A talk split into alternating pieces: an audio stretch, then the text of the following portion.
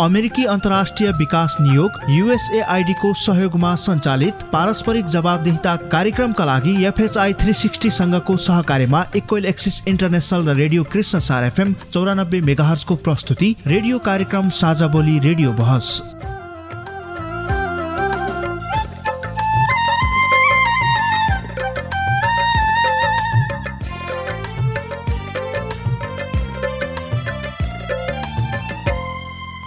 नमस्कार। साझा बोली रेडियो बहसमा तपाईँलाई स्वागत छ। म निसु जोशी।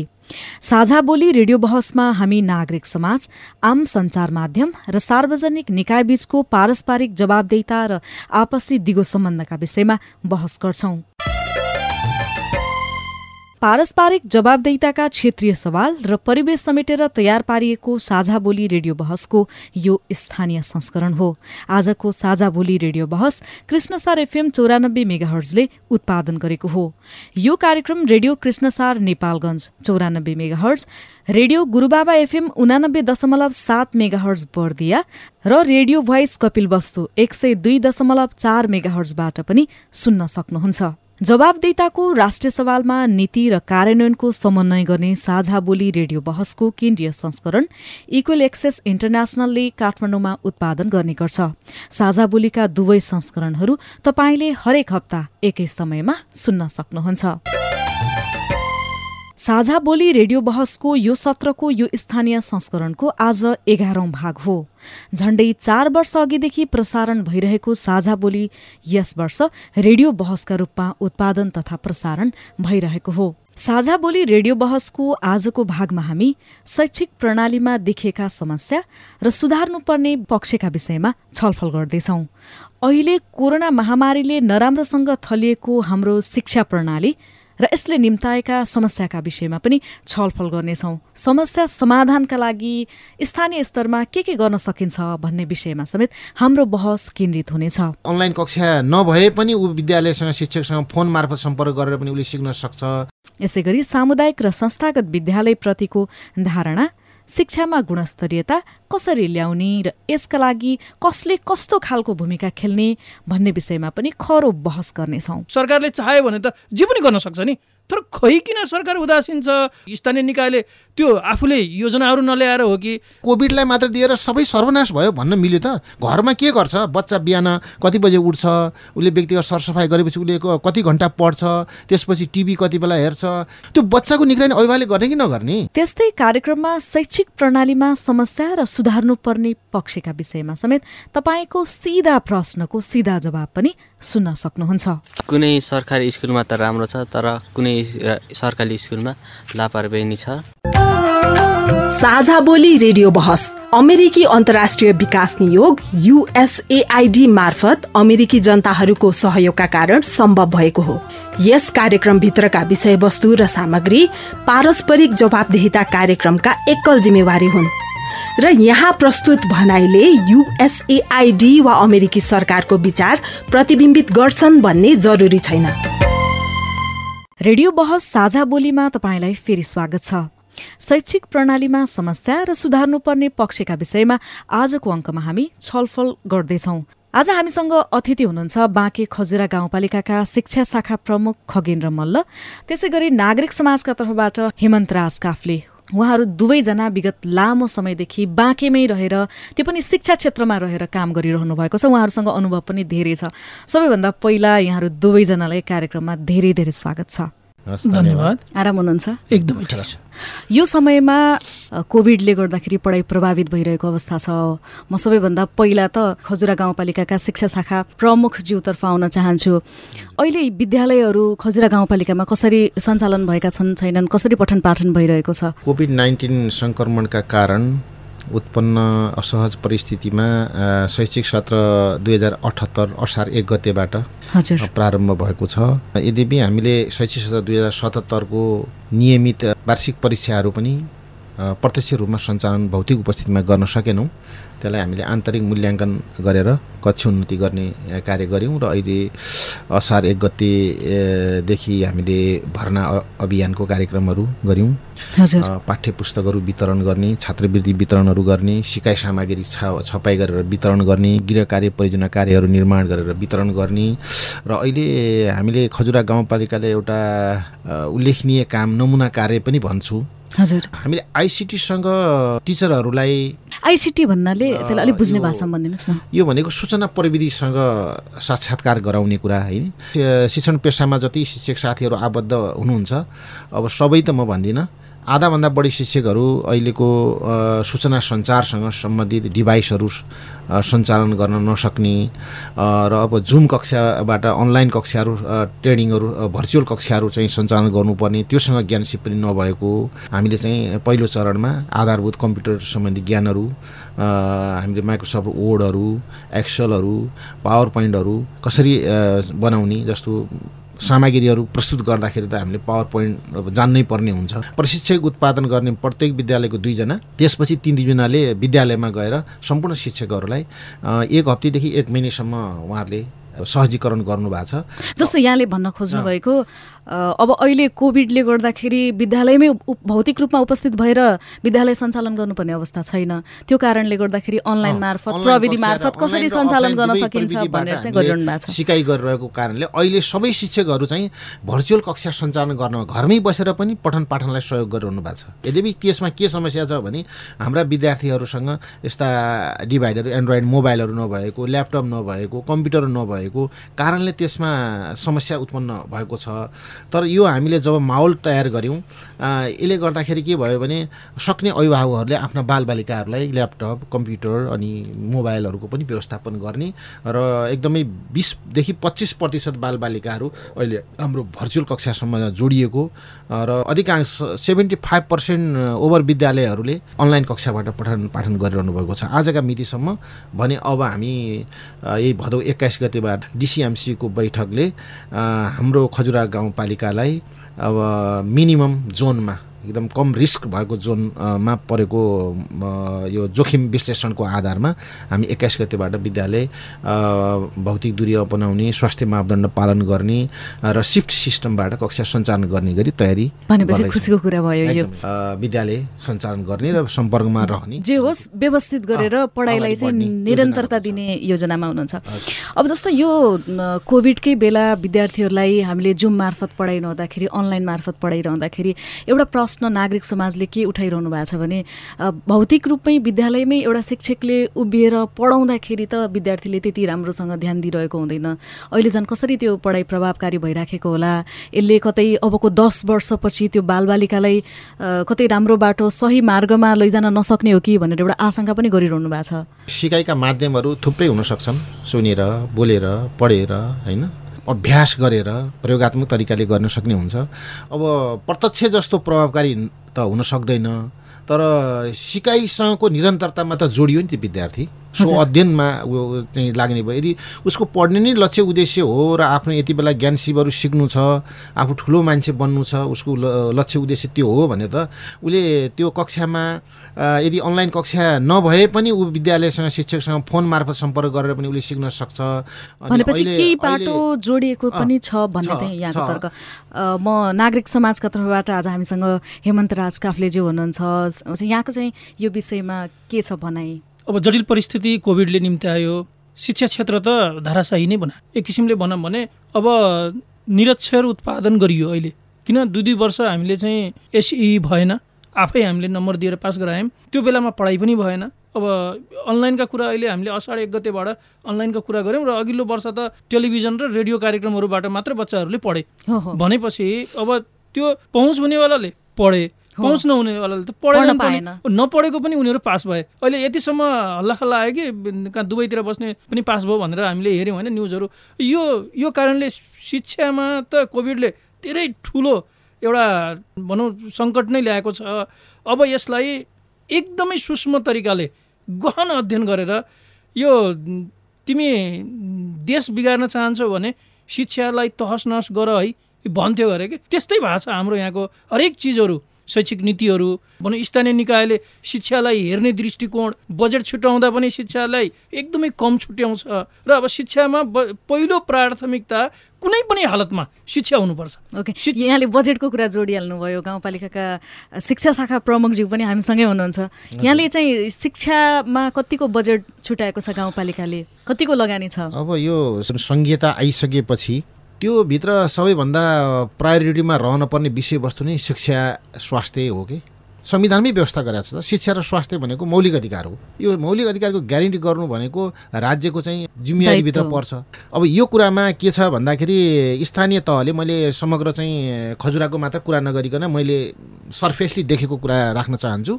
स्थानीय तहहरूले शिक्षा स्वास्थ्यलाई भन्दा बढी चाहिँ पूर्वाधारलाई जोड दिएको पाइन्छ भौतिक निर्माणका निर्माणमा। किन भन्दा अब आवश्यकता पनि होला। अब हामीले बाँकेकै अवस्था हेर्ने हो भने पनि फरक फरक खालको चाहिँ अवस्था छ। पहिलो कुरा हाम्रा विद्यालयहरू सरकारबाट अनुमति लिएर चलेका छन् चाहे संस्थागत होस् चाहे सामुदायिक होस्। होइन?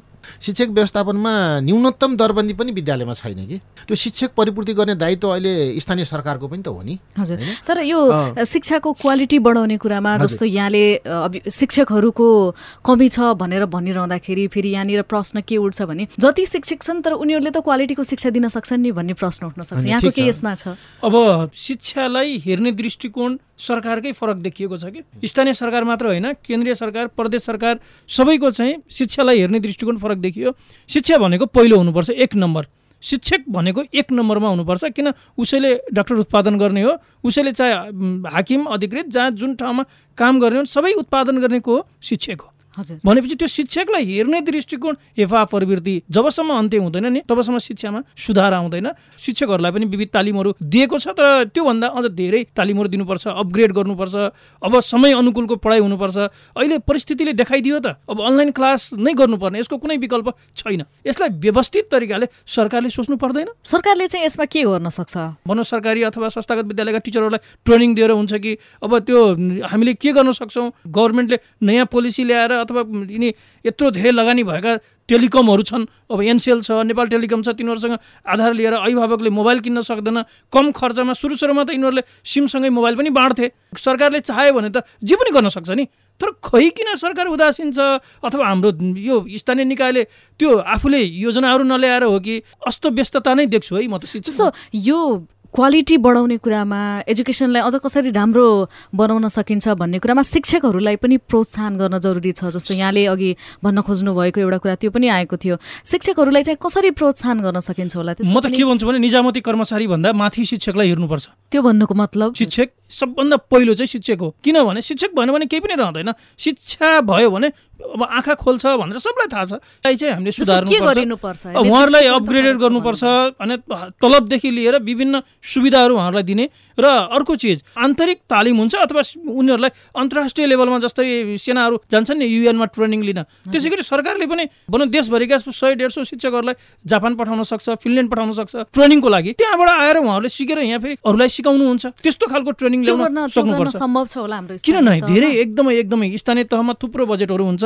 स्थानीय तहले नचाहेको हो। पहिलो प्रायोरिटी चाहे देशभरि चाहे जो कोही होस् शिक्षकलाई पहिलो प्रायोरिटी दिनुहोस् है। घरमा भएका बाबु नानीको आँखा उगार्ने उहाँ नै हो। भोलिको डक्टर इन्जिनियर पाइलट बनाउने उहाँहरू नै हो भने किन सधैँ शिक्षकलाई हेपिने त? अब चाहिँ प्राचीन शैलीमा भने जस्तो पुरानो ट्रेडिसनल मेथडहरू थिए तिनी सब हटाउनुपर्छ। अहिले अनलाइन क्लासले एउटा अर्को चिज के सिकाएको छ कोरोना पछिको?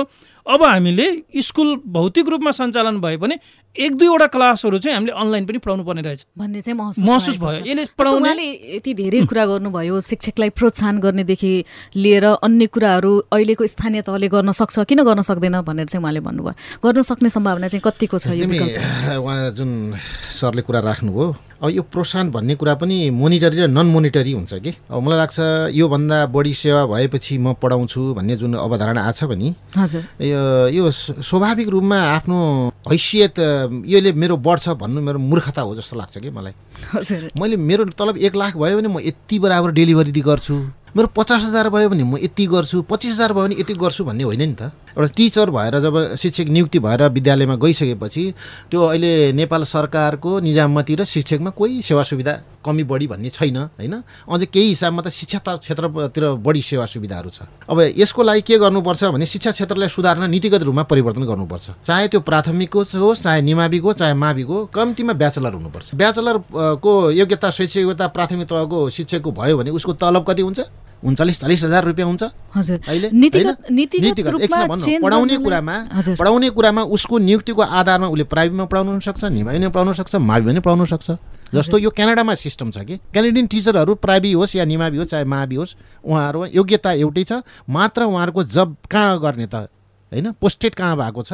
त्यो तरिकाले गरेको हुन्छ। त्यही भएर उहाँको गुणस्तर धेरै राम्रो छ। हाम्रो चाहिँ यो शिक्षक पहिलो कुरा शिक्षकहरू इन्ट्री गर्ने कुरामा धेरै चाहिँ राजनीतिक भयो जुन शिक्षक प्रवेश गर्ने कुरामा के छ भने विद्यालय व्यवस्थापन समितिले को शिक्षक छनौट समितिबाट इन्ट्री गर्छ। विद्यालय व्यवस्थापन समितिको अध्यक्षको मान्छे त्यहाँ हुनै पर्ने हेर्नुहोस्। प्रधान अध्यापकको मान्छे हुनै पर्ने। त्यो भएन भनेपछि त्यो विज्ञापन प्रक्रियाहरू चाहिँ अवरुद्ध गर्ने। आफ्ना आफ्ना मान्छेहरूलाई राखेर स्कुल जब चलाउने खोजिन्छ त्यो अवधारणाबाट कसरी अगाडि गुणस्तरीय शिक्षा बन्छ त? यस्तो हुनुमा हामी कहाँनिर सब चुकिरहेका दोषी छौँ। यो कुरालाई हामीले रोक्न सकिरहेकै छैनौँ। हामीले विगतमा पहिला अब एकात्मक सरकार हुँदाखेरि पनि जिल्ला शिक्षा कार्यालय थियो। जिल्ला शिक्षा कार्यालयले पनि यो कुरा नियन्त्रण गर्न सकेन। अहिले पालिका स्तर हुँदाखेरि हामीले गर्न सकिरहेका छौँ कसरी पालिका स्तरमा पनि विभिन्न? राजनीतिक इन्ट्रेस्टहरू छन्। आफ्नो मान्छे हुनुपर्छ भन्ने प्रेसरहरूका कुराहरू छन्। त्यहाँ। प्रक्रियाहरू योग्य मान्छे जबसम्म शिक्षकमा छनौट गर्न सक्दैनौँ तबसम्म कक्षा कोठामा हाम्रो डेलिभरी राम्रो हुँदैन? हाम्रो परिवेश नै त्यस्तै भएर हो कि शिक्षक। युनियनहरू पनि विभिन्न राजनीतिक। दलमा आस्था भएका युनियनहरू छन् शिक्षालाई राम्रो बनाउनुपर्छ सैद्धान्तिक हिसाबमा सबै सहमत छौँ तर राम्रो मान्छे इन्ट्री गर्ने होइन। हाम्रो मान्छे इन्ट्री गर्ने कुरामा हामी सबै लागिरहेछौँ कि। त्यो भएर हामी दोषी छौँ। हाम्रो शिक्षा प्रणाली चाहिँ ध्वस्त भएको अवस्था कारण त्यो हो। यो प्रवृत्तिलाई कसरी चेन्ज गर्न सकिन्छ यो त? व्यापकै परिवर्तन गर्नुपर्छ। असल मान्छे बन्नुपर्छ। असल जनप्रतिनिधि बन्नुपर्छ। असल प्रशासक बन्नुपर्छ।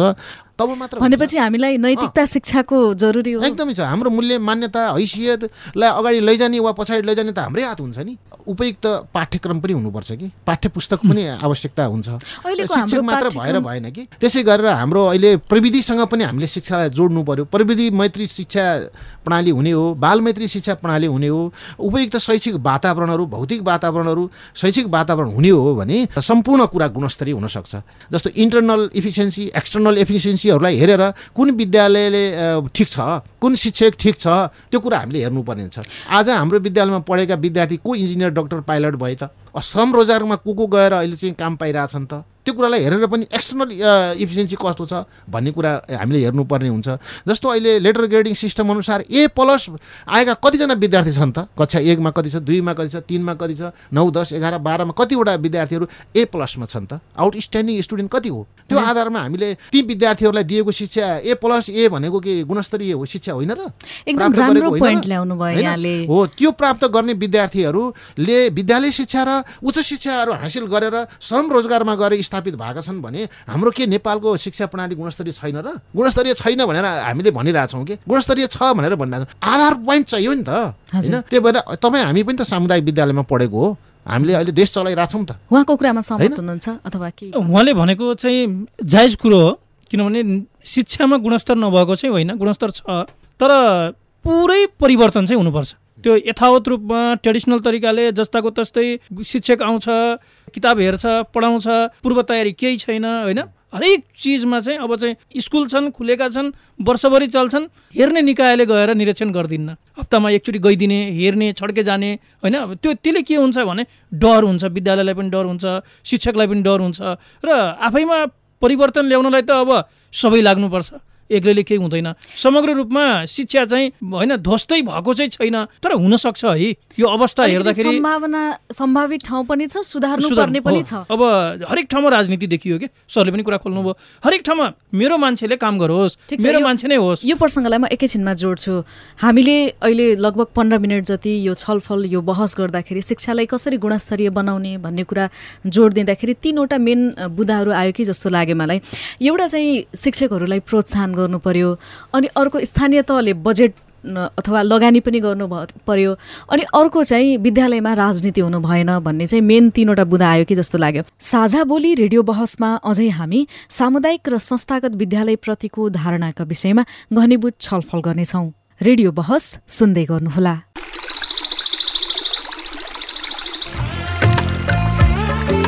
प्रश्न परिवर्तनको सुरुवात हो। जवाफ। रूपान्तरणको आधार हो। प्रश्न आविष्कारको जननी हो। जवाफ सुशासनको परिणाम हो। त्यसैले प्रश्न सोधौँ जवाफ खोजौँ। तपाईँले हामीलाई पैसा नलाग्ने नम्बरमा फोन गरेर आफ्ना कुराहरू भन्न सक्नुहुन्छ। एनसेल प्रयोग गर्नुहुन्छ भने अन्ठानब्बे शून्य पन्ध्र एकहत्तर शून्य उन्तिसमा फोन गर्न सक्नुहुन्छ। एनटिसी प्रयोग गर्नुहुन्छ भने सोह्र साठी शून्य एक शून्य शून्य चार पाँच नौमा फोन गर्न सक्नुहुन्छ। अथवा Boli Sajha at the rate Gmail dot com BOLI SAJHA at the rate Gmail dot कममा इमेल गरेर वा मेरो रिपोर्ट र साझा बोलीको फेसबुक युट्युब ट्विटर टिकटक पोस्टहरूमा सेयर लाइक वा कमेन्ट गरेर पनि आफ्ना कुराहरू भन्नु सक्नुहुन्छ। पारस्परिक जवाफदेहिताका लागि प्रश्न सोधौँ जवाफ खोजौँ। साझा बोली रेडियो बहस। रेडियो बहस साझा बोलीमा तपाईँ अहिले शैक्षिक प्रणालीमा समस्या र सुधार्नुपर्ने पक्षका विषयमा सवाल जवाफ सुन्दै हुनुहुन्छ। बहसमा अतिथि हुनुहुन्छ बाँके खजुरा गाउँपालिकाका शिक्षा शाखा प्रमुख खगेन्द्र मल्ल र नागरिक समाजका तर्फबाट हुनुहुन्छ हेमन्त राज काफले। हामीलाई यो शिक्षालाई कसरी गुणस्तरीय बनाउने भन्ने सवालमा केही स्थानीयहरूले आवाज पनि पठाउनु भएको छ उहाँहरूले कस्तो खालको आवाज पठाउनु भएको छ म यहाँहरूलाई थोरै सुनाउँदैछु। अम्बिका चापागाई म शिक्षक बर्दिया बाँसगढी नगरपालिकाबाट बोल्दैछु। शिक्षकहरूले गुणस्तरीयता ल्याउनु पर्ने हो शिक्षक जिम्मेवार हुनुपर्ने हो भन्ने धेरैको सोझो कुरा देख्दाखेरि त्यस्तो पनि लाग्छ। तर वास्तवमा एउटा शिक्षकले कसरी गुणस्तरीयता दिन सक्छ भने विद्यालयमा क्वालिटी टुल्सहरू हुनुपर्ने हो। त्यो अनुसारको क्वालिटी टुल्सहरू विद्यालयमा नभइसकेपछि शिक्षकले मात्रै केही गर्न सक्दैन। म चाहिँ मेरो नाम चाहिँ बलबहादुर हेरी हो। म चाहिँ त्यहाँ नेडाप्रावि अमरुवाको प्रभाव हो। गुणस्तरीय गराउनलाई त यसो के छ भने अभिभावक पनि त्यही किसिमको जागरुक हुनुपर्छ। हामी शिक्षकले त शिक्षितले मात्रै गरेर हुनु हुँदैन। जस्तै सरकारी विद्यालयमा पढाउने बेला उनीहरूले कार्टुन चुन्नी पठाउन त्यो ड्रेस पनि राम्रोसँग हुन्न कलम पनि हुँदैन तिनीहरूको किताब पनि उहाँको कुरा त हामीले सुनिसक्यौँ। क्वालिटी शिक्षा बनाउनलाई एउटा शिक्षक मात्रै जिम्मेवार हुनुपर्ने हो र भन्ने एउटा उहाँको प्रश्न छ भने अर्को शैक्षिक सामग्री पाठ्यक्रमको कुरा छ हामी त्यसमा पछि आउँला। के साँच्चीकै शिक्षालाई राम्रो बनाउनको लागि शिक्षक मात्रै जिम्मेवार हुनुपर्ने हो र? होइन त्यो त अब सबै क्षेत्र मिलेको हुनुपर्छ होइन? अहिले चाहिँ अहिले चाहिँ जस्तो अरू समुदायहरू स्थानीयहरू अभिभावकहरू राजनैतिक दलहरू यसमा चाहिँ कतिको जिम्मेवार भएको देख्नु अब यस्तो छ विद्यालयमा भनौँ विद्यार्थीको गुणस्तर राम्रो बनाउनको लागि त सबभन्दा पहिलो चाहिँ तिनवटा चिज म त ट्राइङ्गुलर रिलेसनसिप भन्छु। विद्यार्थी अभिभावक र शिक्षक। यो तिनजनाको बिचमा एकदमै राम्रो सम्बन्ध हुनुपर्छ र सँगसँगै अब अब राजनीतिक दलहरू त अब अभिन्न अङ्ग भएको छ होइन देशमा। उनीहरूले पनि हेर्ने दृष्टिकोण फरक हुनुपर्छ। अनि बल्ल त्यहाँ चाहिँ के हुन्छ एकदमै अभिभावक जब निरन्तर रूपमा विद्यालय गइरहन्छ विद्यार्थी बङ्क हान्दैन स्कुल रेगुलर जान्छ र विद्यार्थी कुन हिसाबको छ कस्तो छ भनेर शिक्षकले प्रत्येक दिन उसको चाहिँ मूल्याङ्कन लगिरहेको हुन्छ र उसले त्यो मूल्याङ्कन गरेको चिज अभिभावकलाई देखाउन पायो र अभिभावकले हेर्न पायो। यो तिन चिज भयो भने शिक्षक अभिभावक र विद्यार्थीको बिचको जुन सम्बन्ध छ नि त्यसलाई एकदम प्रगाड बनाउन सक्यौँ भने शिक्षामा केही परिवर्तन ल्याउन सकिन्छ। यहाँले भने जस्तै साँच्चीकै अभिभावकहरूले अहिले विद्यालयमा गएर मेरो बालबालिका कस्तो छ के छ भनेर शिक्षकहरूसँग बेला बेलामा बुझिरहनु भएको त्यस्तो छ? छैन छैन यस्तो छ। विद्यालय सञ्चालन गरिरहनु भएको छ नै अभिभावकलाई त मतलबै छैन। उहाँहरू स्कुलमा पठाइदिनु भयो ल पढाइ भइहाल्यो। विद्यालय पठायो भने पुग्यो। उहाँहरूलाई त्यो रिजल्टको दिन पनि फोन गर्नुपर्छ ल आउनुहोस् रिजल्ट हेरिदिन भनेर। उहाँहरूलाई थाहा पनि हुँदैन बच्चा फेल भयो कि पास सुधार गर्न सकिन्छ यो के भयो भने यो खासै पहिले त धेरै जिज्ञासा चासो दिइन्थ्यो। दुई हजार साठी जुन साठी एकसट्ठीभन्दा अगाडिको जुन थियो त्यतिखेर चाहिँ के हुन्थ्यो भने अभिभावकहरू अलिक बढी जिज्ञासा दिनुहुन्थ्यो चासो देखाउनुहुन्थ्यो तर अहिले अहिले ट्रेन्ड कस्तो आइसक्यो भने मतलबै छैन। व्यवस्था छ। यसलाई त सबै पक्षबाट हामीले चाहिँ जस्तो पहिले पहिले फेल गरिन्थ्यो बच्चा फेल हुन्छ है डर थियो अभिभावक पनि बच्चालाई कोसिस गरिन्थ्यो। कोही पनि फेल हुँदैन अहिले जो जे भए पनि यी आए पनि अपग्रेड गर्नैपर्छ हामीले। यो प्रवृत्तिले पनि अभिभावकलाई पास भइहाल्छ होइन? र फेरि भोलि के गर्ने हो? फेरि शैक्षिक बेरोजगार त्यति धेरै छन्। फलानाहरू पढेर केही गरेका छैनन् भन्ने जो छ नि एउटा ट्रेन्ड यसले पनि तनाव दिएको छ। तर त्यो होइन हामी चाहिँ समग्र रूपमा एकदम जागरुक हुनुपर्छ। अभिभावक पनि एकदमै ध्यान दिनुपर्छ। बाबु नानी भनेको सबको भविष्य हो देशको भविष्य हो। जस्तै अभिभावकहरूलाई त्यस्तो जागरुक बनाउने खालको केही कार्यक्रमहरू हामी कहाँ सञ्चालन भएको छ? एकदमै महत्त्वपूर्ण प्रश्न उठेको छ। अब सर्वप्रथम मैले त के भन्ने गरेको छु भने शिक्षकले विद्यार्थीलाई मात्र पढाएर हुँदैन शिक्षकले अभिभावकलाई पनि पढाउनुपर्छ। तपाईँहरू यदि विद्यालयमा गुणस्तरीय शिक्षा कायम गर्नु चाहनुहुन्छ भने अभिभावक शिक्षा दिन प्यारेन्टिङ एजुकेसन दिन अति आवश्यक छ। झन् तल्लो कक्षाका विद्यार्थीहरूको का अभिभावकलाई त झनै एकदमै आवश्यक छ। प्यारेन्टिङ एजुकेसन कसरी उनीहरूलाई घरमा व्यवहार गर्ने उनीहरूले सिकेको कुराहरूलाई कसरी चाहिँ अझै सहजीकरण गर्ने होइन? उनीहरूको समस्या के हो स्कुलको गतिविधि के हो भनेर रिपोर्टिङ गर्ने। कमसेकम सकिन्छ हप्ताको एकपटक अथवा त्यसो मासिकको रूपमा बसेर उहाँहरूको बिचमा छलफल गर्ने। यस्तो गतिविधि शिक्षकले जुन दिनदेखि गर्न सुरु गर्छ त्यो दिनदेखि त्यो विद्यालय विद्यार्थीको हैसियत सुर्दिन्छ विद्यालयको हैसियत सुर्दिन्छ। मैले त देख्छु अझ बोर्डिङ स्कुलमा बोर्डिङ स्कुलमा पढाउने जति पनि अभिभावकहरू हुनुहुन्छ त्यो शिक्षकले अभिभावकलाई भेट्न पाउँदैन। बोर्डिङ स्कुलको एकदम त्यो कडाई सिस्टम। होइन सिस्टम भन्दा पनि त्यो अभिभावकको सम्पर्कमा त्यो शिक्षक नजाओस्। हाम्रा केही कमी कमजोरी उसले बताइदिन्छ कि? अथवा के कुनै अप्ठ्यारो पर्ने हो कि भनेर त्यो त्यसरी अभिभावकलाई टाढा राखिएको छ। एउटा ग्याप छ। ग्याप छ। र अर्को शिक्षा हाम्रो नियालीमा के व्यवस्था गरिएको छ भने नियम तिसैमा व्यवस्था छ शिक्षक अभिभावकसँगको व्यवस्था। शिक्षक विद्यार्थी र अभिभावकहरू बिचको के कस्तो अवस्था छ भनेर त्यो जानकारी दिने उहाँहरूले समस्या समाधान भन्ने एउटा नीति बनाउने र कार्यक्रम सञ्चालन गर्ने शिक्षक अभिभावकसँगै छ। विद्यालयको गुणस्तर सुधार्नको लागि र के छ अवस्था भौतिक आर्थिक शैक्षिक व्यवस्थापन पछि के छ भनेर सोसल अडिट गर्ने व्यवस्था छ। हाम्रो सामुदायिक स्कुलमा यो लागू हुन्छ। संस्थागत विद्यालयमा त्यो योसँग कुनै मतलबै छैन। सोसल अडिट गर्नु पर्दैन। उहाँले लेग खालि लेगल अडिट गर्नुहुन्छ जानुहुन्छ होइन?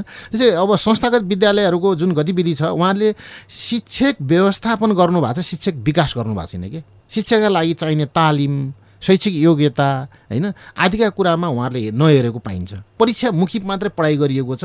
जीवन उपयोगी सिपहरू नपढाउनाले अहिले कतिपय मैले अहिले हाम्रो समुदायमा देखाएको छु बोर्डिङ पढाउने अभिभावकहरू र हाम्रा बालबालिकाहरू एकदमै दुखित भएको अवस्था छ।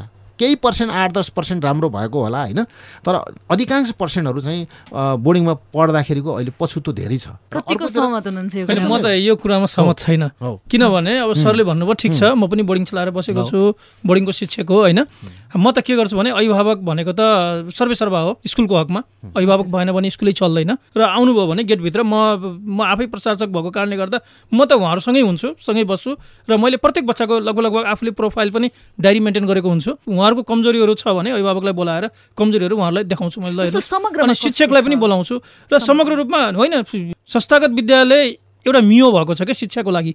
समग्र रूपमा हेरौँ भने देशमा हरेक ठाउँमा संस्थागत विद्यालयका बाबु नानीहरू नै छन्। तर अहिले पछिल्लो समयमा संस्थागत विद्यालयको पनि गुणस्तरीयताले खस्कँदै गइरहेछ भन्ने पनि सुनिन्छ नि। अब सबै बराबर त हुँदैन नि। कहीँ केही अगाडि पछाडि हुन्छ। पढाइ एउटै हो है। म त के भन्छु चाहे सरकारी स्कुलमा पढोस् चाहे संस्थागत विद्यालयमा पढोस् जुन किताबहरू छन् करिकुलम बोर्डले बनाएका किताबहरू हुन् कसैले आफ्नो मनमानी किताबहरू राख्न पाउँदैन। करिकुलम बोर्डका किताब भनेपछि सरकारी स्कुलमा अब आफ्नो तरिकाले पढेका छन् यसमा अङ्ग्रेजी हिसाबले हामीले पढाएका हुन्छौँ तर पढाइ उही हो। जुन सरकारले संस्थागत विद्यालयबाट कर पनि लगेको छ सरकारले संस्थागत विद्यालयलाई माथा हातमा पनि राखेको छ भने चाहिँ संस्थागत विद्यालय चाहिँ हाम्रो अन्डरमा भइसकेपछि त त्यो पनि सबैको अन्डरमा छ। त्यसैले हामीले पढाइलाई विद्यार्थीलाई यो खतम छ यो राम्रो छ भन्ने ठाउँ छैन। बराबर देख्छु म त। हाम्रो छलफल चाहिँ एकदम चाखलाग्दो भइराखेको छ। हामीले चाहिँ शिक्षालाई कसरी गुणस्तरीय बनाउन सकिन्छ विषय भेग छ तर पनि हामीले केही मुख्य मुख्य टपिकहरूमा कुराकानी गर्ने कोसिस गरिरहेका छौँ। अब शिक्षालाई गुणस्तरीय बनाउने विषयमा त्यसका सूचकहरूको बारेमा पनि थोरै कुराकानी गरौँ। कसरी यो गुणस्तरीय बनाउन सकिन्छ यसका मापदण्डका आधारहरू के के छन् सूचकहरू बाल मैत्री विद्यालय गुणस्तरीय विद्यालयको लागि नेपाल सरकारले शिक्षा विज्ञान तथा प्रविधि मन्त्रालयले एउटा मापदण्ड नि निर्देशिका नै पुस्तिका चाहिँ प्रकाशन गरेको छ। त्यसमा नौवटा चाहिँ पक्षहरू चाहिँ गुणस्तरीय शिक्षाकामा राखेको छ कि। पहिलो कुरा शिक्षक राखेको छ। मैले अघि नै बारम्बार उठाइरहेको छु। शिक्षक भनेको एउटा फिजिकल्ली मात्रै त्यो उभिने टाउको भएको होइन कि। शैक्षिक योग्यता हुनु पऱ्यो जिम्मेवारी धेरै छ। होइन? विभिन्न तालिमहरू पनि तालिम भनेको त छिनछिनमा अपडेट हुने एउटा एकदम खारिएको हुनु पऱ्यो क्या उसले। बाल मैत्री तरिकाले पढाउन सक्ने खालको हुनु पऱ्यो त्यस्तै विद्यार्थीहरू पनि हुनु पऱ्यो होइन? अहिले कतिपय सामुदायिक या संस्थागत दुइटैको कुरा गर्ने हो भने एउटा कोठामा न्यूनतम चाहिँ संस्थागततर्फ भने बाइसजना हुनुपर्छ सामुदायिकतर्फ पचासजना हुनुपर्छ कि विद्यार्थी नै छैन। कोठा छ विद्यार्थी छैन होइन? त्यसरी सिकाइ उपलब्धि। सिकाइ उपलब्धिहरू पनि न्यूनतम मैले चौध वर्ष जति मैले बाँकीमै एउटा रहेर काम गरेको छु यहाँको शिक्षाको बारेमा धेरै कुरा मलाई जानकारी छ। पचास प्रतिशतभन्दा बढी सिकाइ उपलब्धि नै बाँकेका स्कुलको छैन के? अहिले इन्डिभिजुअल कोही स्कुल धेरै माथि होला। एकदमै कम न्यूनतम सिकाइ उपलब्धि भन्छ क्या पचास प्रतिशत भनेको। हुनुपर्ने साठी सत्तरी असी नब्बे ए प्लस भने त नब्बेदेखि सयसम्मको बिचमा आउनु पऱ्यो नि। भने सिकाइ उपलब्धि एकदम त्यो आधारबाट विद्यालयको कुन गुणस्तरीय विद्यालय कुन चाहिँ अब मध्यम स्तरको कुन उच्च स्तरको भनेर त्यो हामीले मूल्याङ्कन गर्नुपर्ने हुन्छ। त्यस्तै हाम्रो समुदायसँगको सम्बन्ध के कस्तो छ? जस्तो अभिभावकको एकदमै राम्रो छ। हो बिजनेस भ्यूबाट संस्थागत विद्यालयले अभिभावकलाई मोटिभेसन गरेर विद्यालयमा भर्ना गराउने काम गरेको छ। म यो मान्छु कि। तर के विद्यार्थीको पढाइसँग जोड्या छ त अभिभावकलाई? जोड्या छैन। खालि स्कुलसँगको पढाइसँग मात्रै अभिभावक कसरी जो जोड्न सक्दैन भने धेरै जसो अभिभावक त इङ्ग्लिस बोल्न आउँदैन नि त। नेपाली नेपाली भाषीवाला छन्। भने उनीहरू इङ्ग्लिसको माध्यमबाट पठन पाठन भएको त कुरा अभिभावकले विद्यार्थीको बुझ्दै बुझ्दैनन् त। त्यस्तो अवस्थामा कसरी जोड्ने त? चुनौती छ कि? मैले यो आधारबाट जोड्न सकेको छैन भनेर भनिरहेको छु त्यहाँ। अब यो कुराले गर्दाखेरि अब यीहरू व्यवस्थापन पक्षहरू होइन? विद्यालयको व्यवस्थापन भौतिक व्यवस्थापन कस्तो छ? सिकाइ व्यवस्थापन कस्तो छ? पुस्तकालय छ कि छैन? खानेपानी छ कि छैन? शैक्षिक सामग्री छ कि छैन? अब प्रयोगशालाहरू छन् कि छैनन्? विद्यालयको कम्पाउन्ड छ कि छैन? फुलबारी छ कि छैन? होइन? ग्रिन स्कुलको अवधारणा छ। यी कुराहरूलाई आधार मानेर यो विद्यालय गुणस्तरीय विद्यालय हो। र अर्को कुरा चाहिँ हाम्रो विद्यालयमा भर्ना भइसकेको विद्यालय कक्षा एकमा भर्ना भयो भने त्यो विद्यार्थी तह पार गर्नुपर्छ कि? एक कक्षामा भर्ना भयो भने पाँच कक्षासम्म पुग्नुपर्छ छ कक्षासम्म भर्ना भयो भने त्यसले आठ कक्षा पास गरेको हुनुपर्छ नौ अब नौमा भयो भने दस एघार बाह्रसम्म पास पार गर्नुपर्ने हुन्छ तह पार गर्नुपर्ने हुन्छ। त्यो आधारबाट पनि हाम्रो गुणस्तरीय विद्यालय छ कि छैन? जस्तो अहिलेको। लेटर ग्रेडिङ सिस्टम अनुसार A plus A B plus B आएको कति सङ्ख्या छ? होइन? त्यसलाई पनि आधार गरेर उच्च सिकाइ उपलब्धि भयो भने गुणस्तरीयता हुने हो। अब त्यो खालको चाहिँ नभएर हामी हामी चाहिँ एकदमै नेपालभरिकै अवस्था हेर्ने हो भने पचास प्रतिशत भन्दा न्यून भएका पनि विद्यालयहरू थुप्रै सङ्ख्यामा छन् र पचासदेखि पचपन्न साठीको बिचमा भएका विद्यालयहरू रहेको अवस्था छ। यसले भन्दाखेरि हाम्रो लगानी अनुसारको प्रतिफल प्राप्त भएको छैन है। यो राज्यमा शिक्षामा जति लगानी भइरहेछ नि लगानी अनुसारको प्रतिफल प्राप्त भएको छैन। यो एकदम चुनौतीको कुरा छ। चाहे स्थानीय सरकारले लगानी गरोस् चाहे प्रदेश सरकारले गरोस् के? सङ्घ सरकारले सशस्त्र अनुदानको रूपमा जस्तो यहाँले भन्न खोज्नु भएको? समग्रमा हेर्ने हो भने सामुदायिक। विद्यालय र संस्थागत विद्यालय दुवै हेर्ने हो भने केही विद्यालयहरू राम्रा छन् राम्रा- पनि गरिरहेछन् राम्राको मात्रै हामीले कुरा तर जिस्टमा हेर्ने हो भने अझै पनि जति उपलब्धि हासिल गर्नुपर्ने। त्यो चाहिँ हासिल गर्न नसकेको अवस्था चुनौतीहरू छन्। अस्ति भर्खरै। मैले पनि यसै विषयमा रिपोर्टिङ गर्दाखेरि साठी पैँसठी नागिसक्नु भएको शिक्षक सेवाबाट सेवानिवृत्त भइसक्नुभएका व्यक्तिहरूले के भन्नुभयो भने जस्तो योभन्दा अगाडिको जुन हाम्रो शिक्षा थियो पहिला लिने शिक्षा एउटा शिक्षा प्रणालीको कुरा पनि अघि हामीले जोडिराखेका थियौँ। पाँच दशकमा मैले यो शिक्षालाई विश्लेषण गर्ने हो भने जसरी हाम्रो बालबालिकाहरूलाई अहिले हामीले उनीहरूको सिकाइ उपलब्धि हासिल नगरेर एउटा अङ्कका आधारमा मात्रै उनीहरूलाई पास गरिराखेका छौँ यसले गर्दाखेरि अहिले हाम्रो जुन जनशक्ति कहिले ड्रग्समा कहिले केमा फसिराखेको छ गलत बाटोमा हिँडिराखेको छ हाम्रो शिक्षाले अलिकति सही बा बाटो मार्ग निर्देशन गर्न सकेन कि भनेर चाहिँ उहाँले एउटा चिन्ता व्यक्त गर्नुभएको थियो। कसरी त्यो। शैक्षिक उपलब्धि हासिल गर्न सकिन्छ? कसरी राम्रो जनशक्ति उत्पादन गर्न सकिन्छ नाइन्टिनकै सन्दर्भमा परेर बच्चाले पढ्न पाएन नियमित कक्षामा गएर मात्रै पढाइ हुन्छ भन्ने जुन बुझाइ छ नि हाम्रो परम्परागत के? औपचारिक शिक्षाको ग्रहण गर्ने माध्यम छ नि। अनौपचारिक मोडालिटीबाट पनि थुप्रै ज्ञान प्राप्त हुन्छ कि? हाम्रा ऋषि मुनिहरू हाम्रा वैज्ञानिकहरू जति पनि छन् ती धेरै पढे लेखेका थिएनन्। उनले। प्र्याक्टिस गरेर विभिन्न साधना गरेर उच्च स्तरको ज्ञान प्राप्त गरेर अझर अमर भएको कुरा छ कि? भने अहिले कोभिडलाई मात्र दिएर सबै सर्वनाश भयो भन्न मिल्यो त। घरमा के गर्छ? बच्चा बिहान कति बजे उठ्छ? उसले व्यक्तिगत सरसफाइ गरेपछि उसले कति घन्टा पढ्छ? त्यसपछि टिभी कति बेला हेर्छ? खेल्न कति बेला जान्छ? अब इन्टरनेट वाइफाईको अब प्रयोग गरेर अनलाइनको कुराहरूमा कसरी सहभागी हुन्छ? त्यो बच्चाको निगरानी अभिभावकले गर्ने कि नगर्ने? भनेपछि धेरै? कुरा चेन्ज गर्न बाँकी धेरै कुरा चेन्ज गर्नु पर्यो। नि। त्यो कुरा बच्चाले घरमा पनि सिकिरहेको छ भन्नु खोजेको हो कि? सो सिकाइबाट पनि ऊ चाहिँ भएको छ। यदि उसलाई हिन्ड्रेस छ केही कुरा अप्ठ्यारो पर्यो भने अहिले घर घरमा स्वयंसेवक शिक्षकहरू छन् नि त। नपढेको को छ त? बाबु पढायो होला आमा पढायो होला दाई पढायो होला छिमेकी पढायो होला उसलाई सोधेर पनि आफ्नो समस्या समाधान गर्न सक्छ नि त। बच्चाले शिक्षकसँग सम्पर्क स्थापना गर्न सक्छ। अहिले चाहिँ दुई चारजना कि बिस पच्चिसजनासम्म त अहिलेसम्मै भेला हुन सक्ने तालिम गोष्ठी सञ्चालन गर्न सक्ने नीति छँदैछ। गएर कक्षा स्कुलमा गएर शिक्षकसँग पनि सम्पर्क गर्न सक्छ नि त। विद्यार्थीले। यहाँले जोड्न खोज्नु भएको एकातर्फ बेरोजगारहरू हुनुहुन्छ। अर्कोतर्फ सिकाउने मान्छे चाहिरहेको छ। चाहिरहेको छ। अहिलेको अवस्थामा- प्रयोग गर्न घरमा पनि सिकाइ हुन्छ। घरमा पनि सिकाउने व्यक्ति छ भन्ने कुरा मैले जोड दिएँ र अर्कोतिर सिक्ने कुरामा जुन विद्यालय र को जब हामी प्रत्यक्ष मोडालिटीबाटै जान्छौँ स्कुलमै औपचारिक शिक्षाकै माध्यमबाट गयौँ भने पनि सिक्ने सिकाउने कुरामा हाम्रो एउटा ट्रायङ्गुलर जुन रिलेसन हुन्छ नि त त्यो रिलेसनलाई हामीले अलिकति सक्षम बनाउनु पर्छ तब गुणस्तरीय शिक्षा बन्न सक्छ कि? अब खालि एक पाटोबाट हेरेर आइसोलेट मात्रै भएर यो गुणस्तरीय शिक्षालाई बुझ्न सकिँदैन। सापेक्ष हिसाबले हेर्नु अहिले भनेपछि फेरि कुरा आएर त्यहीँ जोडिन्छ शिक्षक। अभिभावक र विद्यार्थी। दुई खम्बे शिक्षा नीति लगाएको छ नि त। व्यक्तिले पनि लगानी गरेर प्राइभेट इन्भेस्टमेन्टको आधारमा संस्थागत विद्यालय खोल्ने किन खोल्या त? सरकारले मात्र लगानी गरेको स्कुल ल ए भन्ने स्कुल राम्रो कि नराम्रो? यो मात्रै ठुलो कि सानो भनेर यो बोतल देखाएर हामीले भन्यौँ भने यो न ठुलो न सानो? जब अर्को बोतलसँग हामीले चाहिँ कम्पेयर गऱ्यौँ भने यो सानो बोतल यो ठुलो बोतल भन्न सकिन्छ। त्यस्तै संस्थागत विद्यालयले दिएको शिक्षा प्रणाली गुणस्तरीय कि सरकारले दिएको सामुदायिक स्कुलको गुणस्तरीय। दुइटै बिचमा कम्पेरिटिभ गर्ने र एकले गरेका राम्रा कुरा अर्काले सिक्ने यहाँ त कस्तो छ भने हाम्रो व्यक्तिगत आचरण व्यवहार कस्तो छ भने एकले अर्कालाई समाप्त गर्ने बहुत बहादुरी।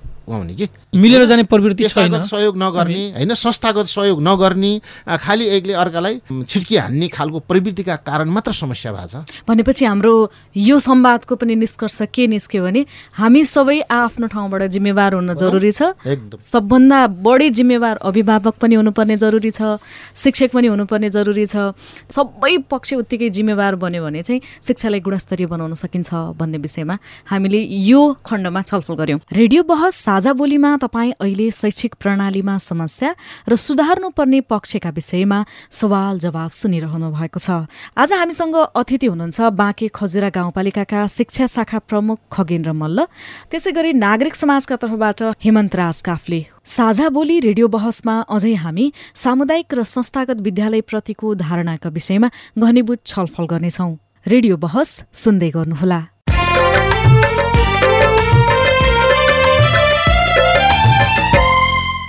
रेडियो बहस साझा बोलीमा तपाईँ अहिले शैक्षिक प्रणालीमा देखिएका समस्या र सुधार्नुपर्ने पक्षका विषयमा सवाल जवाफ सुन्दै हुनुहुन्छ।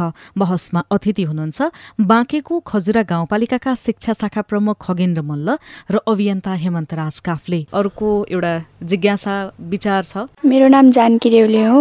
म गोल्डन एबिसी एकाडेमी बाँकी हाई स्कुलमा पढ्छु अनि मेरो सरकारी स्कुललाई हेर्दा बोर्डिङ स्कुल धेरै नै राम्रो छ अनि त्यसमा इङ्ग्लिसहरूको राम्रो विकास हामी इङ्ग्लिस बोल्न सिक्छौँ। अब एक दिन पनि हामी स्कुल नआउँदा अब स्कुलबाट फोन आउने गर्छ बोर्डिङ स्कुलमा भएपछि। नमस्कार मेरो नाम सुरज सुनार हो। विजयनगर गाउँपालिका गुगौली कपिल वस्तु मैले चाहिँ सरकारी स्कुलमा पढ्छु। सरकारी स्कुलमा पनि पढ्नेलाई त ठिकै छ पढाइ। कुनै सरकारी स्कुलमा त राम्रो छ तर कुनै सरकारी स्कुलमा लापरवाही छ। नमस्कार मेरो नाम गोमा अधिकारी। म बाडगङ्गा पाँच झन्डा कपिल वस्तु। बोर्डिङ स्कुलमा अलि आफ्नो लगानी भएको कारणले गर्दा पनि होला अलि पढाइ भयो जस्तो लाग्छ। सरकारीमा अब सरहरूको पनि लापरवाही होला। विद्यार्थीहरू यताउता अब हिँड्ने आफ्नो उसले मनपरीले। उहाँहरूको कुरा सुन्दाखेरि सामुदायिक भन्दा निजी विद्यालयहरूमा पढाइ एकदम राम्रो हुन्छ भन्ने बाहिर एकदम धेरै कन्सेप्ट छ। सरकारीमा किन सकिन्न? एकछिन सामुदायिक स्कुलमा पन्ध्र मिनट लेट भयो भने कसलाई गइल हुन्छ अथवा आज बिदा लिनुहोस् भनेर त्यहाँको प्रशासनले भन्न सक्दैन। किन? भन्नुहुन्छ भने यसभित्र धेरै कुरा रुल्स एन्ड रेगुलेसनको पाटो हुन्छ मानवीय सम्बन्धको कुराहरू हुन्छ अनि उहाँहरूको चाहिँ एउटा महासङ्घ भन्ने हुन्छ क्या शिक्षक महासङ्घ। यदि कसैले पन्ध्र मिनट लेट आएर त्यहाँ चाहिँ गैला हाल्यो अथवा बिदा लिन लगायो भने त्यो प्रधान अध्यापक नै भोलिदेखि नरहने सम्भावना हुन्छ। त्यहाँ चौतर्फी हिसाबले दबाब सिर्जना गरिन्छ। अनि त्यो फेरि एउटा शिक्षक चाहिँ फेरि विभिन्न शिक्षकहरू पनि पेसागत घटकहरू छन् कि? कुनै लबीको छ कुनै कुनै लबीको छ। अनि हेडमास्टर अर्को लबीको शिक्षक अर्को लबीको पऱ्यो भने त झन् ठुलो भ्रष्ट हुन्छ। कसरी सुधार्ने अब हो यी कुराहरूले गर्दाखेरि पहिलो कुरा नैतिकताको कुरा हो कि? मैले यो कुरा टाइममा जानुपर्छ विद्यालयमा मेरो घन्टी अरू पेसा जस्तो होइन कि? भन्ने कुरामा चाहिँ जिम्मेवार वफादारी भएर लाग्नुपर्ने हुन्छ। नलागेका कारण गुनासो आएको स्वाभाविक हो। संस्थागत विद्यालयहरूमा त्यो घन्टी अनुसार शिक्षक गएकै हुनुपर्छ। मैले त यतिसम्म देखाएको छु। बसमा चढिरहेको शिक्षकले शिक्षिकाले उत्तर पुस्तिका जाँचिरहेको के? किनभने सामाजिक सञ्जालमा। सामाजिक सञ्जालमा होइन अहिले चाहिँ देखिन्छ त्यस्तो। बसमा बसिरहेको बेला पनि त्यो काम गरिरहेको मैले देखिरहेको छु कि? त्यो किन भन्दा यति गते यति मिनटमा यो चाहिँ यहाँ मलाई दिनु भनेर आदेश गरे हुन्छ प्रिन्सिपलले। अथवा त्यहाँको संस्थापकले त्यो अनुसार उहाँहरू कार्यान्वयन गर्नुहुन्छ भनेपछि सामुदायिक विद्यालयका शिक्षकहरूलाई नैतिकता अधिकार कसले बढी सिकाइदिने खोज्ने, अब अधिकार बढी। सुविधा बढी खोज्ने कामचोर प्रवृत्ति हाबी भएको अवस्था छ है। यसलाई कार्यान्वयन गर्नको लागि चाहिँ पहिलो कुरा त मैले मेरो आँखाबाट के देख्छु भने व्यवस्थापन समिति एकदमै जिम्मेवार हुनुपर्छ र प्रधान अध्यापक एडमिनिस्ट्रेटिभ र एकाडेमिक हिसाबले चाहिँ ऊ सक्षम भएको व्यक्ति हुनुपर्छ। अथवा कसैका लागि प्रधान अध्यापक भएको विक एडमिनिस्ट्रेटरको कारणले गर्दाखेरि त्यो विद्यालय राम्रो हुँदैन। अहिले हेर्ने आधार के छ भने जहाँको प्रधान अध्यापक सक्षम छ जहाँको प्रशासन राम्रो छ त्यहीँकै पठन पाठन र गुणस्तरीयता त्यो विद्यालय राम्रो भएको देखिएको छ। अब हामी विभिन्न सोचका। कारणले होइन मैले अब यो मैले धेरै कुरा अहिले अगाडि पृष्ठभूमिमा बताइसकेँ। यी विभिन्न फ्याक्टरहरूले काम गरेको छ कि? हजुर। होइन? कामै गर्न नदिने मैले भने नि मैले नि मेरो जिम्मा भएर ठेक्का भएको भए त मैले त्यही अनुसार गर्थेँ नि त बोर्डिङले गरे जस्तो गर्थेँ नि त। के चिज चाहिँ होइन? चेन्ज भयो भने त्यो कुरा- त्यो। कुरामा विभिन्न अवरोधहरू पनि सिर्जना हुने हुन्छ कि। त्यहाँ गएर अलिकति केही कडाइ गर्यो भने यो गर्नु हुँदैन यो अनुसार जानुपर्छ भन्यो भने त्यहाँ विरोध आउनु सुरु गर्छ हेर्नुहोस्। किनभने त्यसमा राजनीति हाबी छ कि। यसले गर्दाखेरि जबसम्म हामी यो राजनीतिबाट शिक्षा क्षेत्र मुक्त हुँदैन मलाई लाग्छ शिक्षाको राजनीति गरौँ भन्छु कि मैले। हुँ। कोही पार्टीको राजनीति नगरौँ हामी। विद्यार्थीहरू बालमैत्री हुनुपर्छ अतिरिक्त क्रियाकलाप हुनुपर्छ भन्ने ध्यान भएको ज्ञान भएको र विचार आचार भएको व्यवस्थापन समिति प्रधान अध्यापक शिक्षक जनप्रतिनिधि शिक्षा शाखा हुने हो भने शिक्षामा यथाशीघ्र परिवर्तन आउँछ। हाम्रो चाहना त त्यही हो। हाम्रो शिक्षाको यस्तो राजनीति छ मात्रै शिक्षाबाट राजनीति बाहिर ल्याउन धेरै गाह्रो छ। किनभने एकदम नराम्रोसँग जरा गाडेर बसेको छ। प्रत्येक शिक्षकहरू कुनै न कुनै सङ्गठनमा आबद्धता छ। त्यो कारणले गर्दाखेरि यो विद्यालयभित्र अथवा कुनै पनि कलेजहरूमा पनि यस्ता सङ्गठनहरू पस्नु हुँदैन। त्यो बच्चा भनेको भविष्य हो है। सबैको चाहे सरकारीमा पढोस् चाहे संस्थागतमा पढोस् हाम्रो आफ्नो भविष्य हामीले निर्माण गऱ्यौँ त्यो क्वालिटी दिन सक्नु पऱ्यो एकदमै मेहनती हुनु पऱ्यो लगनशील हुनु पऱ्यो हरेक चिजमा ध्यान दिनु पऱ्यो अब त्यो होइन कि जागिर पाइहाल्यो सरकारी अब यस यसबाट हामी त होइन टिका लगाएर आएको अब कसले निकाल्न सक्छ र भन्ने अनि केही त्यहाँ तलमाथि भयो भने अनि उसले चाहिँ राजनीति पहुँच देखाउने। अब म त के देख्छु भने अब शिक्षा शाखाले कम्पलसरी विद्यालयलाई सक्दो धेरै अनुगमन गर्नुपर्छ। चाहे संस्थागत होस् चाहे ऊ भनौँ सरकारी होस् अनुगमन गर्ने र भन्ने यहाँनिर कमजोरी भयो है, अब त्यो अनुगमन गर्न सकिन्छ त? अनुगमन गर्ने त अब हाम्रो मुख्य कार्यक्षेत्रभित्र नै पर्छ होइन? हजुर। हामीलाई अनुगमन भन्दा शाखाभित्रको कामहरूमा प्रशासनिक काममा बढी व्यस्त गराइएको छ कि? अब हामीले कम समय अनुगमनमा लगाएका छौँ भने शाखाको दैनिक कार्य सम्पादन प्रशासनिक काम आर्थिक काम लगायतका अन्य कामहरू व्यवस्थापनका कामहरूमा हामीले बढी ध्यान दिनुपर्ने हुन्छ। तालिम गोष्ठी बैठक यस्तै सेमिनारहरूमा पनि भाग लिनुपर्ने हुन्छ। भनेपछि हजुरहरूलाई जनशक्तिको जनशक्तिको छ। अभाव जनशक्ति थपिदियो भने? यो ओएनएम गरेर हामीलाई जनशक्ति गाउँपालिका भनेर हेबे जस्तो लाग्छ क्या। मलाई। विद्यालय सङ्ख्या भन्यो भने पैँसठी सत्तरीवटा विद्यालय छन्। विद्यार्थी सङ्ख्या भने अठारदेखि बिस हजारसम्म विद्यार्थीहरू छन्। शिक्षकहरू पाँच सय पचास जति शिक्षकहरू हुनुहुन्छ। उहाँहरूलाई के म एकजनाले चाहिँ सुपरिवेशन दिन सक्छु त? यो भनेको अहिलेको चुनौती क्या आज हामीले समग्रमा कुरा गरिरहँदाखेरि एउटा निष्कर्ष चाहिँ के निस्क्यो भने यो शिक्षाको गुणस्तरीय बढाउने हो भने जनशक्तिको कुरा राजनीतिबाट विद्यालय टाढा राख्ने कुरा र अभिभावक विद्यार्थी र शिक्षक बीचको समन्वयलाई चाहिँ एकदम धेरै ध्यान दिनुपर्ने देखियो। म छ अधिकार कर्मी सबैले प्राइभेट राम्रो हुन्छ भनेर जान्छन् होइन? तर त्यहाँ पनि सबै कुरा राम्रो छन् भन्ने पनि हुँदैन अब। टिचरहरूको बिहेभियर भन्नाले यदि बच्चाको फिस चाहिँ समयमा पुगेन तुरन्त त्यही बच्चालाई क्ला- क्लासबाट घर पठाइदिने साहिदा बानुले यो प्रश्न राख्नु भएको रहेछ अघि हामीले कुरा गरिरहँदाखेरि सरकारी भन्दा निजी विद्यालयमा पढाइ राम्रो छ भनेर अघि यहाँले पनि भन्नुभयो धेरै कुरा राम्रो छ हामीले देखिराखेको कुरा पनि र धेरै अभिभावकले पनि त्यो भनिरहनु भएको कुरा तर उहाँले एउटा जिज्ञासा चाहिँ के राख्नुभयो भने निजी विद्यालयका अभिभावकहरूको व्यवहार चाहिँ अलिकति चेन्ज गर्नुपर्छ कि भनेर प्रश्न राख्नु भएको छ यसमा चाहिँ के भन्नुहुन्छ यहाँले अब विभिन्न विद्यालयमा आफ्नो आफ्नो नीति नियमहरू हुन्छ। र मैले त के गर्छु भने अभिभावक र शिक्षकको बिचमा नङ मासुको सम्बन्ध बनाइदिएको छु। प्रत्येक दिन साँझ कुनै कम्प्लेन आयो भने शिक्षकलाई तपाईँले आफै फोन गर्नुहोस्। शिक्षकलाई फोन दिएको छ साँझ उहाँले फोन गर्नुहुन्छ भोलिपल्ट अभिभावकलाई बोलाएर उहाँहरूसँग छलफल गर्नुहुन्छ। हुन त म त के सल्लाह दिन्छु भने पढाइ एउटै हो है। सकिन्न। अब हामी त स्वच्छ रूपमा भनौँ भने एउटा व्यवसाय खोलेर बसेकै हो नि शैक्षिक व्यवसाय त हो नि त्यो केही आउला भनेर मान्छेले लगानी गरेको छ। अब त्यहाँ सकिन्न भने त्यत्रो सरकारी विद्यालयहरू छन्। त्यहाँ लगे पनि भयो पढाउनलाई। पढाइ उही हो गुणस्तर एउटै हो। थर्ड मात्र जो छ नि त्यो थर्ड चेन्ज गर्नुपर्छ हामीले। भर्सक आफ्नो अभिभावकसँग राम्रै रिलेसन राखेको हुन्छ। अलि भनौँ नराम्रो रिलेसन राख्यो भने त अभिभावकले विद्यार्थी लगिहाल्छ। ठिकै छ। हामी कार्यक्रमको अन्तिम अन्तिम चरणमा आइसकेका छौँ। जाँदा जाँदै यहाँले आफ्नो सेक्टरबाट शिक्षालाई अझ गुणस्तरीय बनाउनको लागि के गर्न सक्नुहुन्छ? अब शिक्षकहरूलाई सक्दो तालिममा इन्भल्भ गर्ने मैले त इन्टरनेसनल ट्रेनिङहरू पनि दिन लगाउँछु। बाहिरका साथीहरू छन् थुप्रो साथीहरू उहाँहरूलाई जुममा उहाँहरूबाट चाहिँ ट्रेनिङ लिन लगाउँछु र ट्रेन्ड शिक्षकहरू नै मैले युज गरिरहेको छु। समग्र रूपमा तालिमको एकदमै धेरै आवश्यक आवश्यकता छ। ठिक छ मैले यहाँनिर रोकेँ। अघि शिक्षा शाखा प्रमुखज्यूले भन्नुभएको थियो एउटा अभिभावकसँग ग्याप छ निजी विद्यालयहरूको भनेर। यसलाई चाहिँ कसरी मेन्टेन गर्नुहुन्छ अब अब यसलाई त सुधार्नै पर्छ है। अभिभावकलाई हामीले सर्वे सर्व मान्नुपर्छ। अभिभावक शिक्षक र विद्यार्थी बिचको सम्बन्ध भएन भने त्यो बच्चाको सिकाइ हुँदैन। भर्सक अभिभावक गएर कक्षामै बसोस् न। आज मेरो बाबुले कसरी पढिरहेछ त भनेर एकपटक भए पनि क्लासमा बसेर हेर्न पाओस्। त्यो वातावरण चाहिँ विद्यालयले बनाउनु चाहे जुन कोही विद्यालयले पनि त्यो चाहिँ बनाउनुपर्छ। हस् यहाँले धेरै धेरै धन्यवाद। म शिक्षा शाखा प्रमुखज्यूतर्फ आउन चाहन्छु।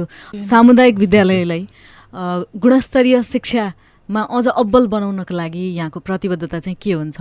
आधारभूत शिक्षालाई नि शुल्क बनाउने गुणस्तरीय बनाउने र अनिवार्य गर्ने कुरामा म पहिलो रूपमा भौतिक रूपमा शैक्षिक रूपमा आर्थिक रूपमा र व्यवस्थापकीय रूपमा यसको नेतृत्व गर्न म तयार छु।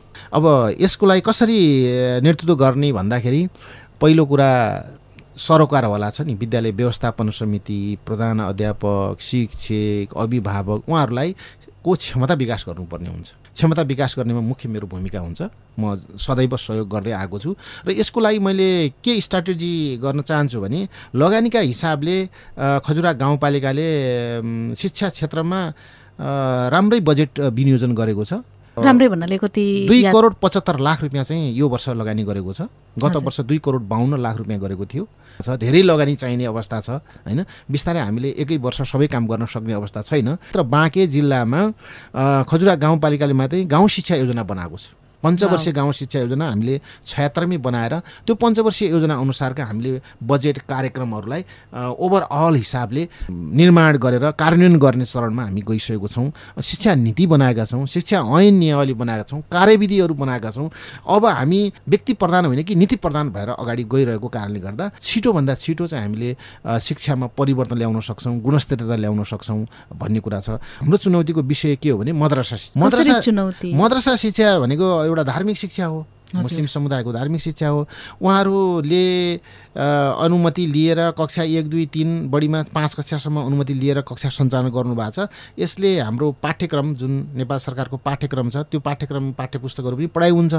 अङ्ग्रेजी गणित विज्ञान सामाजिक यस्ता विषय पनि पढाइ हुन्छ र अर्कोतिर धार्मिक शिक्षा पनि पढाइ हुन्छ। र उमेर पन्ध्र सोह्र वर्ष भयो भने तिन कक्षामा पढेको देखिन्छ हेर्नुहोस्। रिपिट भइरहेको कक्षा रिपिट भने उहाँहरूसँग सोद्धाखेरि हाम्रो धार्मिक शिक्षा भनेको यो दोहोऱ्याइ तेह्राइकन तिन कक्षामा पढाएको होइन कि हाम्रो धार्मिक शिक्षा दिनलाई यहाँ बोलाएको भनेर भन्नुहुन्छ कि। उहाँको लागि उच्च शिक्षा पढ्नको लागि अनि मद्रसा अब आधारभूत विद्यालय अथवा माध्यमिक विद्यालय एकदम बनाउनु जरुरी छ कि। होइन? मलाई लाग्छ यो मद्रसा शिक्षालाई देशैभरिको एउटा सिनियरियो यस्तै यस्तै छ। अब यसको लागि के योजना बनाउनु योजना हामीले मधेसी र मुस्लिम समुदायका बालबालिकाहरूलाई छात्राहरूलाई विशेष गरी पढ्न सजिलो होस् भनेर छात्रा विद्यालय विद्यालय को कन्सेप्ट ल्याएर अगाडि आएका छौँ। यो कोभिडको कारणले गर्दा मात्र रोकिएको छ। सम्भवतः अर्को आर्थिक शैक्षिक सत्रबाट हामी छात्र विद्यालयलाई स्थापना गरेर मधेसी र मुस्लिम समुदायका बालबालिकाहरूलाई बढीभन्दा बढी विद्यालयमा मूल प्रभावीकरण गर्ने भर्ना गराउने उनको पठन पाठनलाई व्यवस्थापन गर्ने भन्ने चाहिँ हाम्रो सोच छ। एकदम गजब काम। अनि एउटा जस्तो अघि हामीले कुरा गर्दाखेरि बिचमा हामीले छलफल गरेका थियौँ विद्यालयमा अझ विशेष गरेर सामुदायिक विद्यालयमा राजनीति अलि धेरै हाबी भएको छ। यसबाट मुक्त गर्नलाई चाहिँ यहाँले कतिको पहल चाल्नुहुन्छ? अब विद्यालयमा सबै सरोकारवालाहरूले प्रतिबद्धता गर्नु पऱ्यो कि? विद्यालयमा हामी कुनै पनि सेक्टरमा शिक्षक भर्नामा विद्यालयमा अन्य व्यवस्थापन समिति गठनमा एकदम स्वच्छ हिसाबले विद्यालयको चौतर्फी विकासको लागि हामी योगदान गर्छौँ भन्ने उहाँहरूबाट प्रतिबद्धता र सहयोगको आवश्यक छ। तर नेपालमा यो राजनीतिक सङ्क्रमणको कारणले गर्दा एकजना पनि व्यक्ति राजनीतिसँग आबद्ध नभएको एकजना व्यक्ति नै पाउँदैन क्या समस्या भनेपछि यो समस्या समाधान गर्न नसकिने हो। जब त्यो नेतृत्वमा पुग्यो भने त्यसैले त्यो कुरा चाहिँ बढी हाबी भएर आफ्नो त्यहाँ चाहिँ गतिविधि अगाडि बढाइदिन्छ। विद्यालयको नीति नियम ऐन नियम छ नि हाम्रो शिक्षा ऐन छ नियावली छ विभिन्न कार्यविधिहरू छन् अनि त्यो मापदण्डभित्र रहेर हाम्रो प्रक्रियागत हिसाबले काम गरिदिएको भए आस्था राखेर समस्या हुन्थेन। त्यो कुरालाई बिर्सेर सर्लक्क पारेर अर्कोतिर जाँदाखेरि समस्या आएको हो। यसलाई हामी न्यूनीकरण गर्ने एकदमै प्रयास गरिराखेका छौँ होइन? ए अनुसार हामी राम्रो शिक्षक भर्ना गर्ने होइन?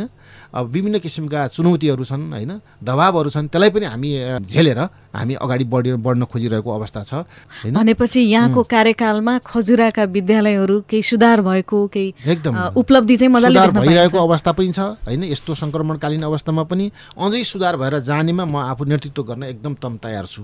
होइन? समन्वय गर्न तयार छु व्यवस्थापन गर्न तयार छु। आज हामीलाई समय दिनुभयो र यो संवादमा सहभागी भइदिनु भयो यहाँहरू दुवैजनालाई फेरि पनि एकपटक धेरै धेरै धन्यवाद। हस् धन्यवाद।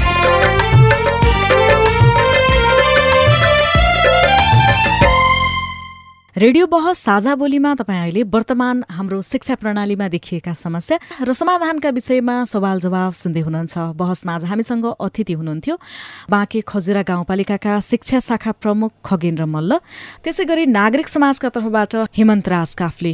उहाँहरूले आफ्नो तर्फबाट शिक्षाको गुणस्तर माथि उकास्नका लागि विभिन्न भूमिकाहरू निभाउने प्रतिबद्धता जनाइसक्नु भएको छ। यो प्रतिबद्धताका लागि अनि महत्त्वपूर्ण समयका लागि उहाँहरू दुवैजनालाई धेरै धेरै धन्यवाद। आजको हाम्रो छलफलमा एउटा महत्त्वपूर्ण कुरा आयो। हाम्रो अभिभावकहरूले पनि बालबालिकालाई समय दिनुपर्नेछ ध्यान दिन जरुरी छ भनेर कार्यक्रम सुनिरहनुभएका अभिभावकहरूलाई पनि यसको महसुस होस्।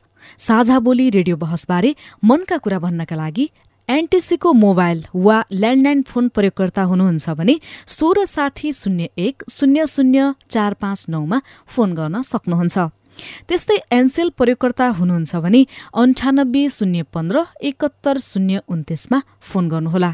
यी नम्बरहरूमा फोन गरे बापत पैसा लाग्दैन र प्राप्त निर्देशनअनुसार प्रश्न सोध्न सक्नुहुन्छ।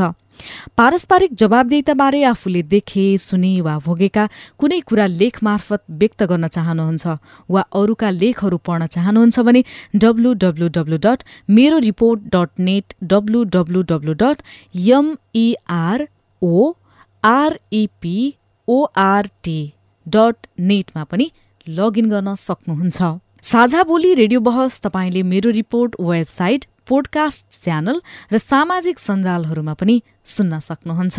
हवस् त आज हामीले हालको शैक्षिक प्रणालीमा देखिएका समस्या र सुधार गर्न सकिने सम्भावनाका विषयमा छलफल गर्यौं शिक्षाको गुणस्तरीयताको कुरा गरिरहँदाखेरि शिक्षालाई माथि उठाउने कुरा गरिरहँदाखेरि शिक्षकहरूलाई प्रोत्साहन गर्ने कुरा नीतिगत रूपमा परिवर्तन गर्ने कुरा विद्यालयलाई राजनीतिबाट टाढा राख्ने कुरा र शिक्षक विद्यार्थी र अभिभावक सबैले समन्वय गरेर शिक्षाको गुणस्तर बढाउनु पर्ने विषयमा हामी सबैजना सहमत भइसक्यौँ। यो बहस सुनेर यहाँहरूले पनि थाहा पाइसक्नुभयो। आजका हाम्रा अतिथिले गर्नुभएका यी प्रतिबद्धताहरू पक्कै पनि पुरा हुनेछन्। यतिन्जेलसम्म ध्यान दिएर कार्यक्रम सुन्नुभएकोमा तपाईँलाई पनि धन्यवाद। आगामी हप्ता पनि आजको जस्तै समयमा सार्वजनिक जवाबदेताको अर्को विषयमा खरो छलफल लिएर आउनेछौँ। सुन्न नबिर्सिनुहोला। आजको कार्यक्रमबाट म निसु जोशी पनि बिदा हुन्छु। नमस्कार।